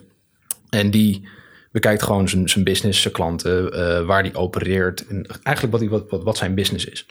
En als je dan kijkt naar, ehm, eh, nou, bijvoorbeeld de, de wisseldiensten voor, voor, voor crypto tegen fiat. Je koopt daar je, cryptocurrency met euro's en op een gegeven moment dan, en dan, dan wordt die cryptocurrency wordt naar een wallet gestuurd. Dan wat voor wallet dan ook. Wat je dan eigenlijk kan doen, wat daar gefaciliteerd wordt, is een manier van, eh, nou ja, laten we maar overboeken noemen, van eh, potentieel hele kostbare digitale assets die supersnel over de hele wereld verspreid kunnen worden. En daarvan zou je als instelling moeten zeggen: God, dit zou wel eens heel erg risicovol kunnen worden. En als je die twee bij elkaar plakt, dus objectieve, die objectieve norm en die subjectieve norm, ja, dan zou je toch wel eens heel snel kunnen uitkomen op een risicovolle transactie, waar dus dat verscherpte toezicht. Ja. Maar jij zegt ook. eigenlijk, jij ziet eh, die thresholds die Bart noemt net van een tientje, dat gaat uiteindelijk dus niet werken. Want dan maak je het dus zo overcomplex en duur dat het per definitie niet, gaat, niet, niet eh, uit te voeren is, toch? Eh, dat, dat weet ik niet. Kijk, eh, wat, om nu te kijken naar, naar de consultatieversie. De consultatieversie is nu geworden tot een, een, een voorstel wat bij de Raad van State ligt voor, voor advies. Dat voorstel, we weten niet wat daarin staat, dat is geheim. Ehm, dus we weten niet wat het uiteindelijk gaat worden. Maar als je kijkt naar het aantal transacties dat banken bijvoorbeeld aanmerken als suspicious. Nou, dat, dat, dat loopt ook hartstikke hard. Dus ehm, wat ik Kun je, iets, kun je dat uitdrukken in percentages? Heb je die eh, kennis? Maar het gaat natuurlijk ja, ook al eh, ook 1% van heel veel miljoenen transacties. Ja, kijk, het, het ding ja. blijft gewoon een beetje hier dat, dat, dat hier dus 100% is risicovol. Ja. En dat is een beetje het, het, eh, het lastige aan het, aan, aan het hele verhaal. En weet je, ik snap wel dat eh 1000 1 euro transacties of 10.000 10 euro transacties, whatever, ook risicovol zijn. Maar dan gaat het om het patroon, zeg maar. Eh, en en nou, dat, dat blijf ik lastig vinden. Maar ik denk, weet je, daar kunnen we over speculeren. En dat is best wel lastig, eh, denk ik. Eh, dus dat zien we uiteindelijk wel hoe dat, hoe dat komt. En het is een beetje onderdeel van een groter geheel van die hele consultatie voor, voor AML D5. Is dat die, die cryptobedrijven eigenlijk zijn heel erg op zoek naar handvaten van oké, weet je, we willen best meewerken en regulering eh, is ook goed ergens. Eh, dat geeft legitimiteit aan de markt en eh, dat, dat, dat zorgt ook dat van al die crypto-bedrijven, dat, dat de slechtere of de scammers, of hoe je ze wil noemen, dat die gewoon allemaal die markt uitgaan. En degene die overblijven, die zitten dan in een, een legitieme markt, kunnen misschien beter en makkelijker een bankrekening krijgen, omdat ze zo'n vergunning hebben. Nou, noem het maar Ja. op. Ehm, en die willen dus graag van, nou ja, oké, eh, DNB, eh, kom dan maar met een lijst met dingen die ik moet doen, eh, die ik af kan gaan vinken eigenlijk. Maar die krijgen ze niet. Nee. Ehm, is dat normaal, weet je? Is dat, is, hebben de banken wel zo'n lijst gekregen toen zij moesten voldoen aan die, aan die WWFT en ook het, het KYC en EML onderdeel? Nou, kijk, wat, wat, wat hier gebeurt, hebben we een beetje te danken aan ons eh, Nederlandse systeem, denk ik. Je hebt, je hebt een, eh, twee soorten toezichthouders. In dit geval, je hebt, je hebt bijvoorbeeld toezichthouder als ehm, eh, de FCA, die heel erg vooruitstrevend is, de Engelse toezichthouder. Die zegt heel erg, die stelt zich op naar de markt. Dus oké, we weten nog niet precies wat er gaat gebeuren, maar we denken dat dit ongeveer de richting is. En, Ja. en, en go ahead, dit zijn de handvatten. Ehm, aan de andere kant heb je toezichthouders die eh, zeggen, ja, wij zijn de toezichthouder, maar we gaan niet op de stoel van de wetgever zitten. Ja. En in dit geval, ik noemde het net al even, dit wetsvoorstel ligt dus bij de Raad van State voor het advies. En daarna gaat het pas, weet je, door de, door de wetgever wordt het, wordt het opgepakt en, en geformaliseerd. En tot die tijd zegt DNB, en dat is, dat is, ja, dat is terecht. Maar joh, wij kunnen hier op dit moment nog niks over zeggen. We weten niet wat het gaat worden. Ja, dus ja, dat, dan, als je niet weet wat kan worden, kun je inderdaad ook moeilijk met Nee, dat, checklijsten dat, gaan komen. dat, dat is waar. Maar ik ben wel dan benieuwd, zeg maar.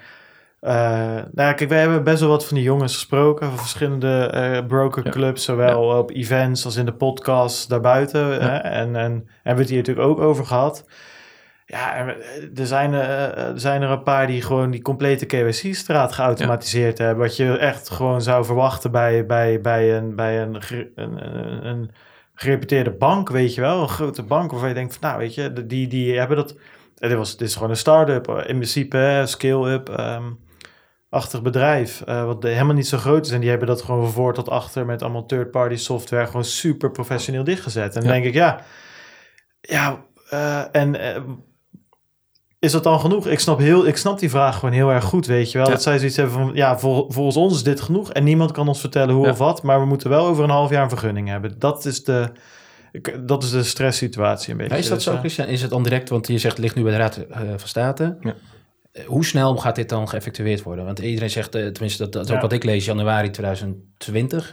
Maar is, is dat dan ook zo? Of zit daar een veel langere tijd over, een cooldown period, een, een ja, vergunningstraject? Of ga- eh, ja. Ja, nou, over die januari 2020. eh, dat is het moment wat in de richtlijn staat voor de inwerkingtreding van die, van die richtlijn. Dus in principe zou dan de richtlijn geïmplementeerd moeten zijn in, in Nederlandse wetgeving. Zou die hier dus moeten werken. Ja.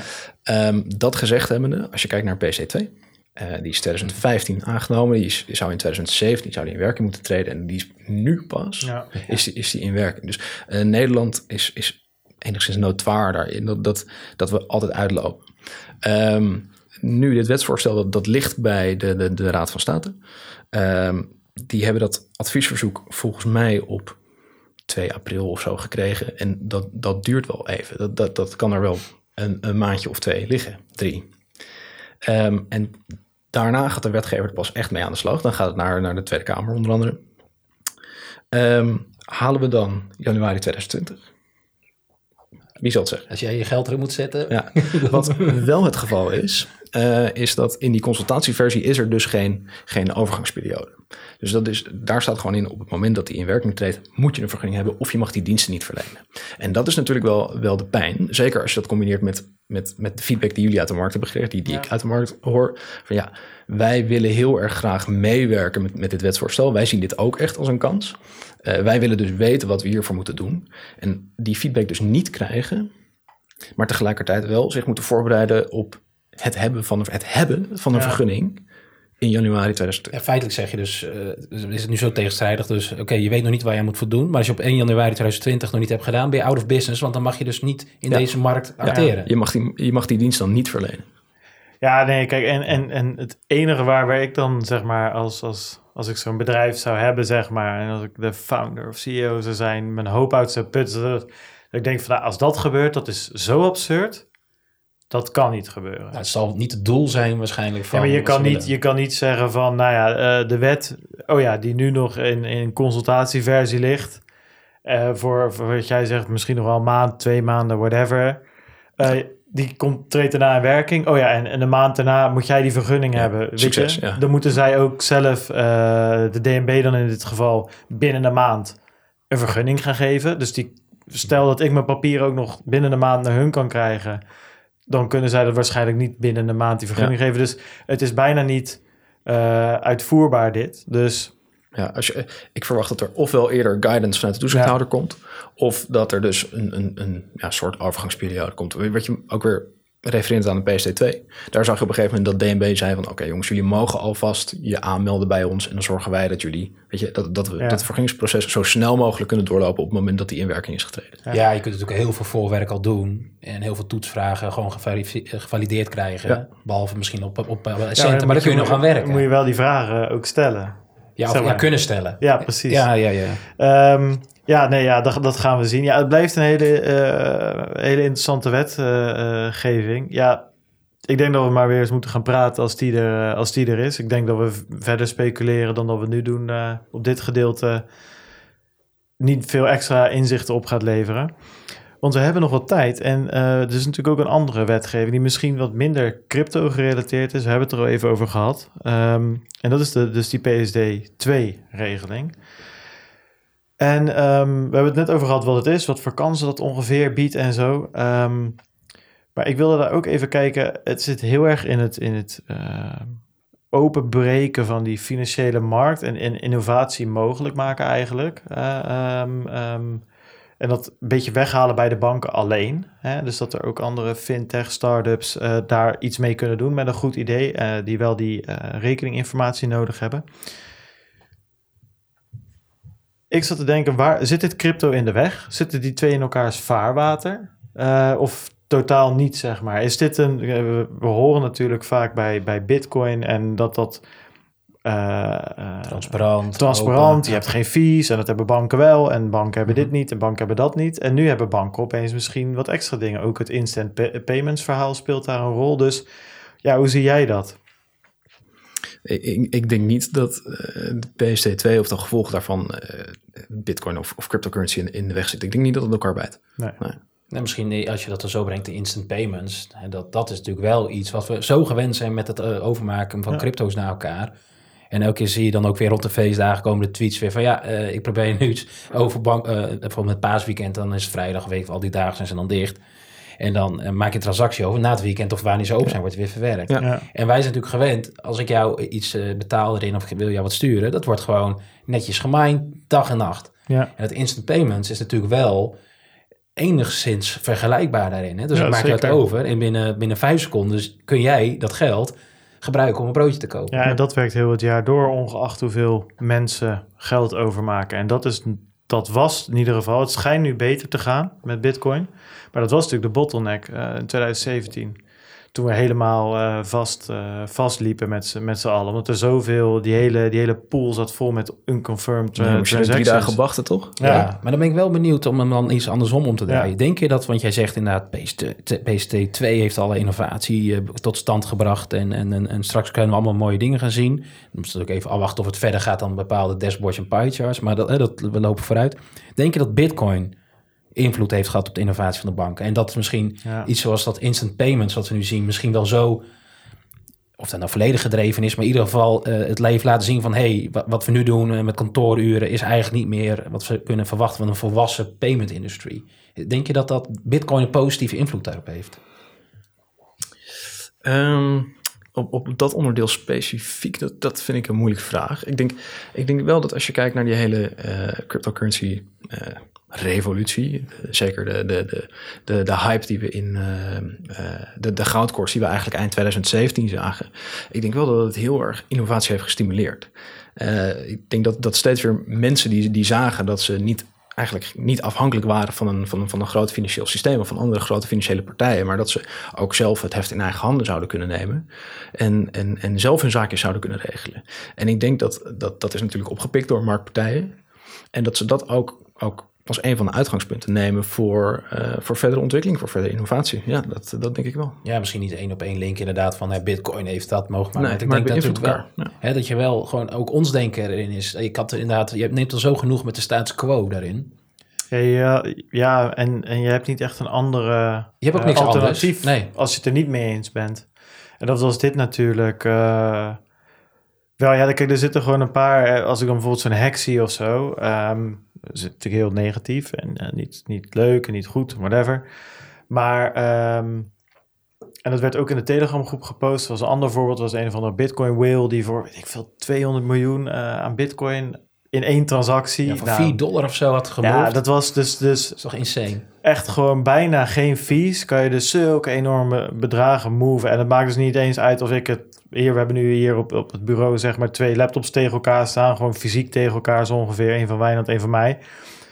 Die kunnen we uit elkaar halen. En jij kan in... We hebben laatst opgezocht. Ergens in Nieuw-Zeeland is het verst vandaan van Amsterdam, waar we nu zijn. De fee blijft exact hetzelfde. En dat, dat specifieke punt, dat... Soms denk ik wel eens van in heel die crypto, ICO, IEO gekte van wat zijn we nou aan het doen? En als ik dan aan dat specifieke voorbeeld denk, denk ik ja, weet je, daar zit echt een use case. Dat blijft fascinerend. Goedkope waardetransport. ja, maar je ziet Ja. ook, maar ook die hacks, en dan- dat denk ik net aan, weet je, we zijn natuurlijk, dat is een best relatief jonge markt. En dit is digitaal, dus altijd gevoelig voor hacks. Ja. Je ziet het met films, muziek, je hebt al die trends. Nou, muziek is redelijk opgelost door Spotify, hè. die is ook door een, door een, door een, door een cycle heen gegaan. Ja, ik ken niemand die nog eh, muziek downloadt op een illegale manier eigenlijk, terwijl ik nou vroeger net zo hard aan uh, Ja, het komt wel weer terug. Ja, muziek niet echt, maar series en films. Ja, omdat dat zo gesplint, eh, gefractioneerd Ja, is op diverse. Maar kijk, vroeger had je natuurlijk ook fysieke bankovervallen. Nou, dat was ook jong. Overal lag kluizen vol met geld. Nou, wat hebben ze gedaan? Ze hebben betere kluizen of ze hebben digitaal geld gemaakt. Dat hebben ze opgelost. Dus uiteindelijk zie ik dat ook nog wel door die technologie en innovatie en, en encryptie en weet ik wat allemaal, dat opgelost worden op de, op de duur. Ja. En die, die, die, die transactie waar je trouwens daar refereert van die 200 miljoen, die, dat was nog Pever die, eh, uit het channel, die zei van, Ja, ik kan ook niks meer rustig eh, rondsturen. Ja, ja, ja. Ja, onze, onze eigen will. Ja, nee, ik, maar dat, dat, dat, ja, weet je, dat, blijf, dat blijf ik nog altijd toch, toch inderdaad een hele mooie use case vinden. Waarvan ik denk van ja, dat hebben we in het normale systeem inderdaad niet. Weet je, dat zit zo aan elkaar gelust en gekoppeld. Als ik naar Nieuw-Zeeland moet, moet dat via vijf banken. En dat, dat is gewoon een heel lastig proces. Maar kijk je dan dan weer aan de wetgeving? Ja, dit kan wel eens een suspicious transaction zijn Ja, natuurlijk. nee, zeker. Je hebt geen idee waar gaat het Dat naartoe. kunnen, ja. Het is een behoorlijk bedrag. Eh, ja, en, en dan snap ik ook wel weer van de, de drang van toezichthouders. Zeggen, ja, wat gebeurt er allemaal? Waar, waar is dit voor bedoeld? ja. En, en dat is natuurlijk ook precies wat jij ook aangaf, Christian. Van ja, je kunt zo makkelijk overal geld aan, aan wallets overmaken. Ja. En nu kunnen ze- eh, banken kunnen dat wel relatief screenen. Gebeurt ook natuurlijk genoeg fraudeleus. Ik bedoel, eh, dat, laten we, ING is niet van Ja, zo i- beboet. Nee, ja, nou, ja, kijk, weet je, dat was natuurlijk maar de vraag of dat allemaal intentioneel was of niet. Nee, maar, maar- het punt is wel dat het heel moeilijk te controleren is. Exact. Ja, want zij hadden volgens mij die, die, die schikking van eh 700, 800 miljoen of zo was dat. Dat was, dat was KYC, eh, dat was eigenlijk AML, deze wet waar we het nu over hebben.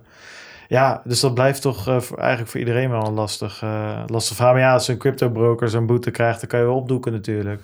Het zal iets daar naar Ja. van omvang gaan. Ja, Maar- dat, dat zal ja.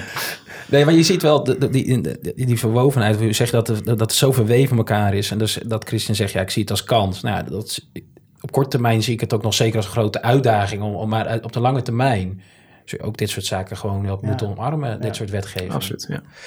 Ik heb eigenlijk zat een beetje te denken, want we zitten nu gewoon eigenlijk een beetje te freestylen. En eh dat altijd Dat wordt als een hele uitzending. eh, ja, precies, een gezellig gesprek. Maar ik zat eigenlijk te denken, jij bent natuurlijk advocaat. Ja. We hebben een advocatenkantoor, eh, gespe- gespecialiseerd in financiële markt en, en wetten en regelgeving, noem het maar op. Maar wij hebben elkaar ontmoet in een, in een crypto-chat. Eh, eh, dus een hele groep eh, Nederland, Nederlandse mensen die allemaal met crypto bezig zijn en zo. En van alles en nog wat zit daarbij.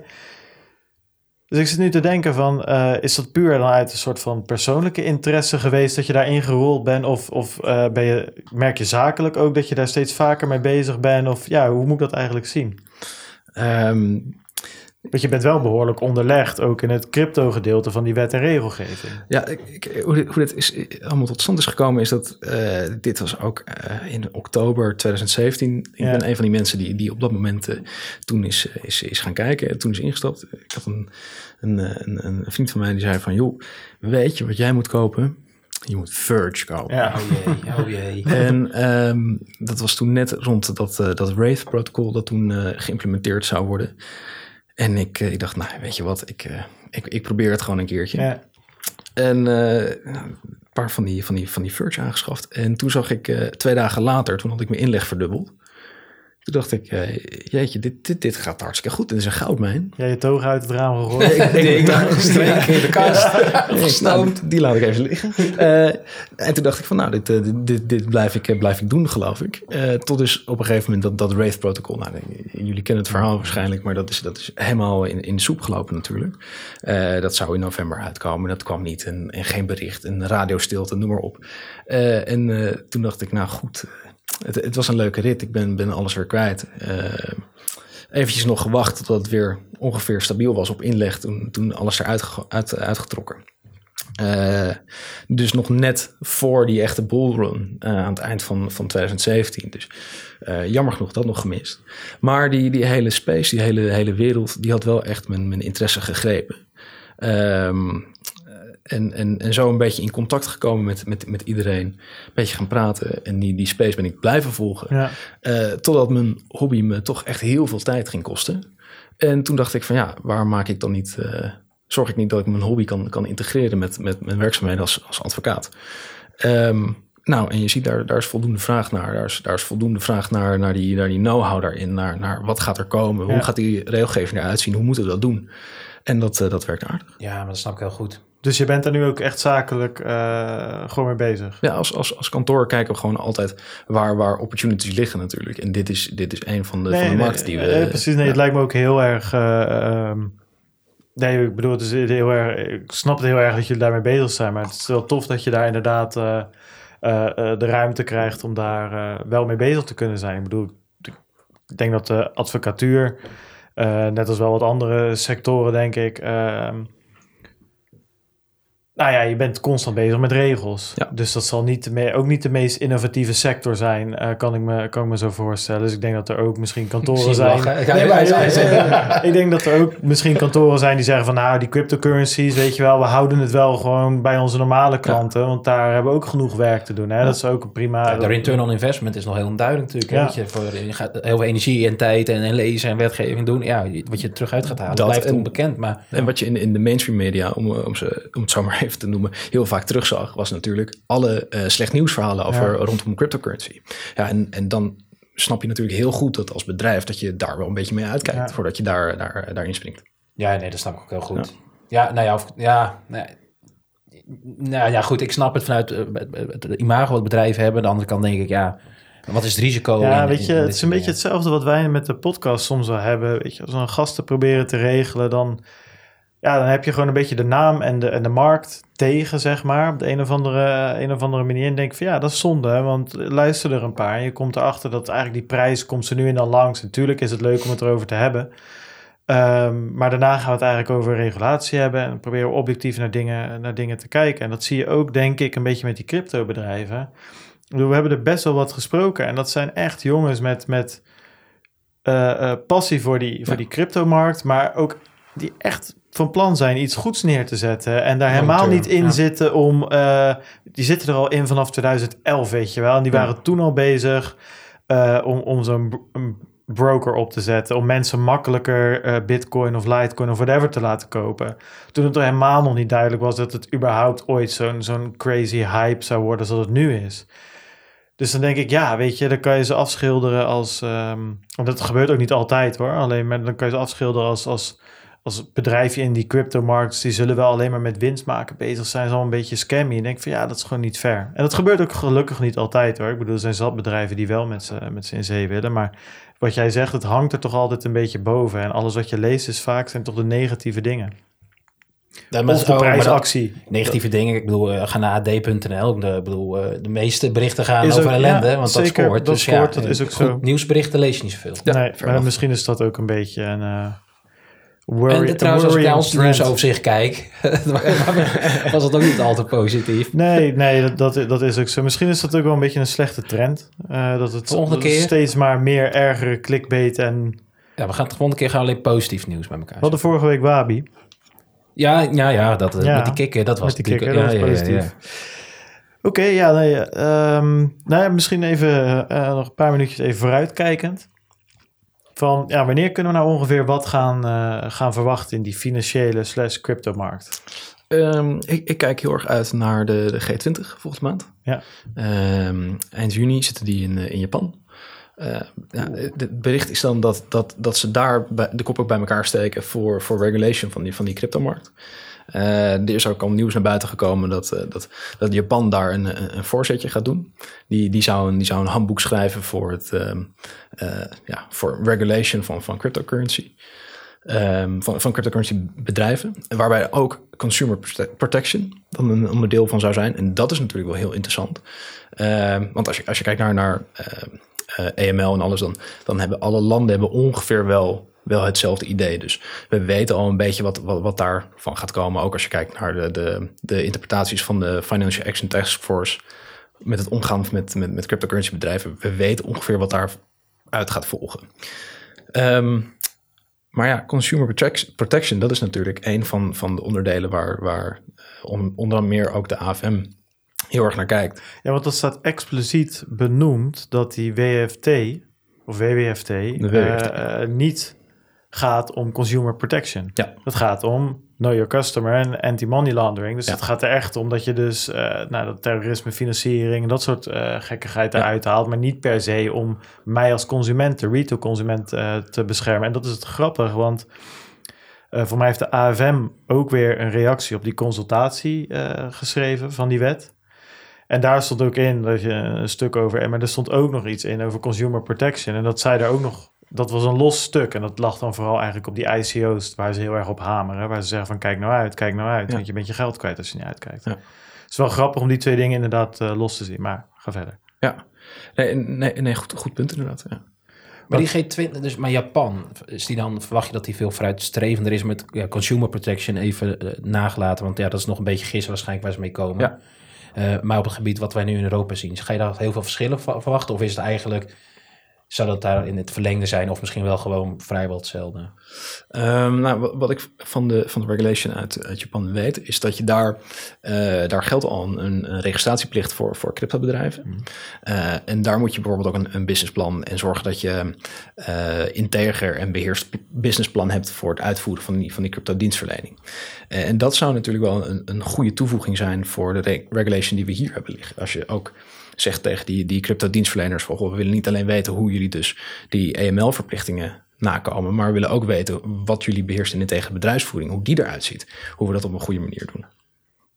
Ja, dat, nee, dat snap ik. Nou, dat is uh, een beetje ons vakgebied. Bart, uh, pak je biezen maar uh, naar Japan.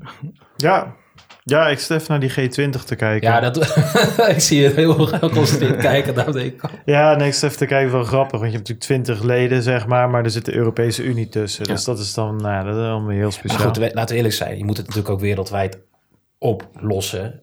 En, en niet per continent of per land uiteindelijk. Dat ja, en de vraag is, weet je, kunnen we dit zeg maar oplossen tussen aanhalingstekens op de oude manier zoals we dat gewend zijn? Of moeten we gewoon onze manier van denken echt gaan veranderen? En dit is gewoon de future, dit is de toekomst, dit is nou hoe het gaat. En dat kan niet meer makkelijk beheerst worden door één partij. Ja, dat is een mogelijkheid. Ik zeg niet dat het de beste mogelijkheid is, of dat weet ik ook niet. Maar misschien moeten we wel eens naar dingen gaan kijken op een hele andere manier. Niet alleen qua currency hoor, maar er is zoveel digitaal natuurlijk tegenwoordig, dat het nog maar de vraag is of je dat allemaal op die oude manier nou, moet kan beheersen. Ook die, uh, welke wet hadden we nou laatst weer, die, die volgens mij, uh, uh, waar toen zoveel gezeik over was, dat was die, die uploadfilter en dat soort dingen, weet je wel. Dat is weer, dat is een heel ander topic, maar dat gaat over, over, over intellectual property. Dus als ik wat maak, ik wat verzin, weet je wel, dan is dat van mij en dan mogen anderen daar eigenlijk niet zomaar gebruik van maken. Maar dat proberen ze nu een beetje ook weer op zo'n ouderwetse manier in te dammen, wat zeker met zo'n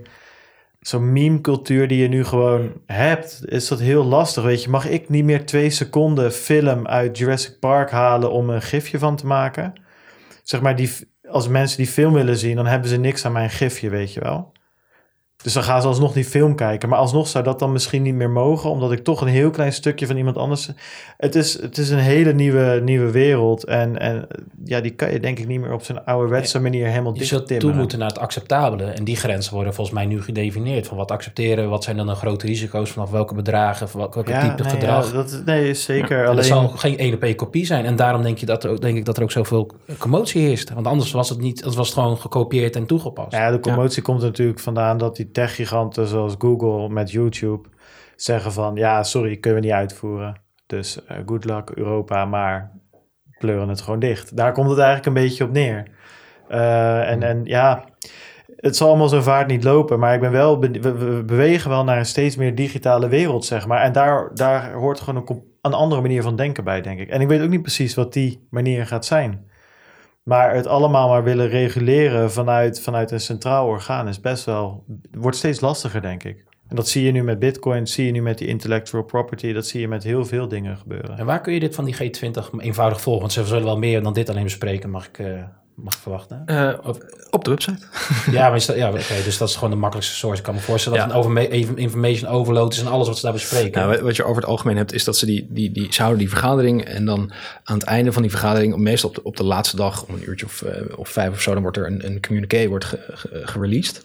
En daar staat gewoon een overzicht in wat ze allemaal besproken hebben en wat de uitkomsten zijn. Ja. Dus als je dat, eh, dat rond, die, rond die tijd, volgens mij is het, is het 28 juni of zo, Ehm, als je dat rond die tijd in de gaten houdt, dan, dan ben je zo op de hoogte van, eh, van, de, van de stappen die ze gaan ondernemen. Nou, ga ik, Ik mag hopen dat, eh, dat eh, Bert en Peter daar in een of ander eh, Nou. busje ingeplucht zitten daar in Tokio.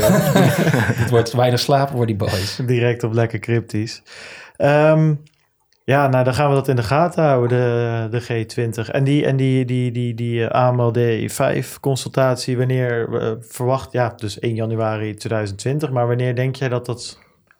Ja, dat- Ergens- tot twee dat- maanden. dat- Ja, maanden, zei je toch? ja, dat, dat, eh, dat weet ik echt niet. Maar Dat- dat, dan zullen we, oké, nou laten we Het, het ligt nu eh, dus bij, bij de Raad van State en dat kan, dat kan echt maanden Ja. duren.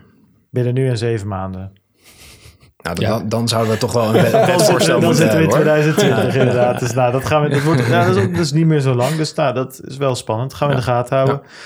Cool. Eh, ja, ik wil je hartelijk bedanken voor je komst. Ja, hartstikke leuk. Ik eh, sluit niet uit dat we je nog een keer eh, hier gaan horen. Want Ik ik, kom denk graag. als die, eh, als die eh, regulering er is, die G20 en al die andere dingen, dan, eh, Ja, ze Kunnen we wel ons een, af, dus dat valt genoeg dan content kunnen we wel een expert opinion Zeker. gebruiken. Ehm, Twitter, zit jij op, hebben wij gezien. En dat is APC. Eh, ja, dan moet ik- is het Godlieb of Godlieb? Godliep. Godlieb. APC Godlieb. Dus ik ga het gewoon helemaal uitspellen. APC G-O-D-L-I-E-B. Op Twitter. Ehm, nou, voor, je bent redelijk actief. Dus eh, ik denk leuk om, eh, leuk Ja. om te volgen. Ja. Eh, Ehm, Actiever op LinkedIn hoor, dat, dat wel. Ja, ja. Dus, dat, dus op, op Twitter dan, dan zie je af en toe wat voorbij komen. Maar de, de interessante posts die zie je op, op LinkedIn toch wel. nou ja, dan weten ze je daar ook te vinden. Ja. Ehm, ja, dat dus eigenlijk. Eh, vind je deze podcast leuk? Dan eh, kan je ons joinen in de Telegram groep en ook volgen op Twitter. De links vind je op www.satoshiradio.nl. En eh, je kan ons steunen via eh, ontelbaar veel diverse kanalen inmiddels. En al de links staan op de website. Over fragmentatie gesproken. Maar goed, eh, ik wil even iemand vragen van stuur even één badtoken of zo. Dan kan ik zien of het werkt. Dat lijkt me nou wel interessant. Doe het via de website of via ons YouTube kanaal, whatever. Dat, dat komt allemaal op hetzelfde binnen. Dat lijkt me interessant om te zien. Stemmen kan nog steeds voor de Podcast Awards. Doe dat op www.podcastawards.nl. ja, nou Wijnand, eh, bedankt. Uiteindelijk is het hier qua temperatuur nog wel goed gekomen, heb ik het idee. Ja, maar jij staat op je t-shirt, hè? Ja, in mijn t-shirt. Ik kijk naar rechts, ik zie, een, ik zie een pak en ik zie hier een, een, een trui. Ja. Dus, dus eh, Ja, oké. spreek, voor jezelf, nou, maar... eh, voor mij is het... eh nog bedankt dat je het weer hebt volgehouden. Ehm, ja, en jullie bedankt voor het luisteren. En we horen jullie graag, of jullie horen ons graag volgende week. Tot volgende week. Whatever. Adios.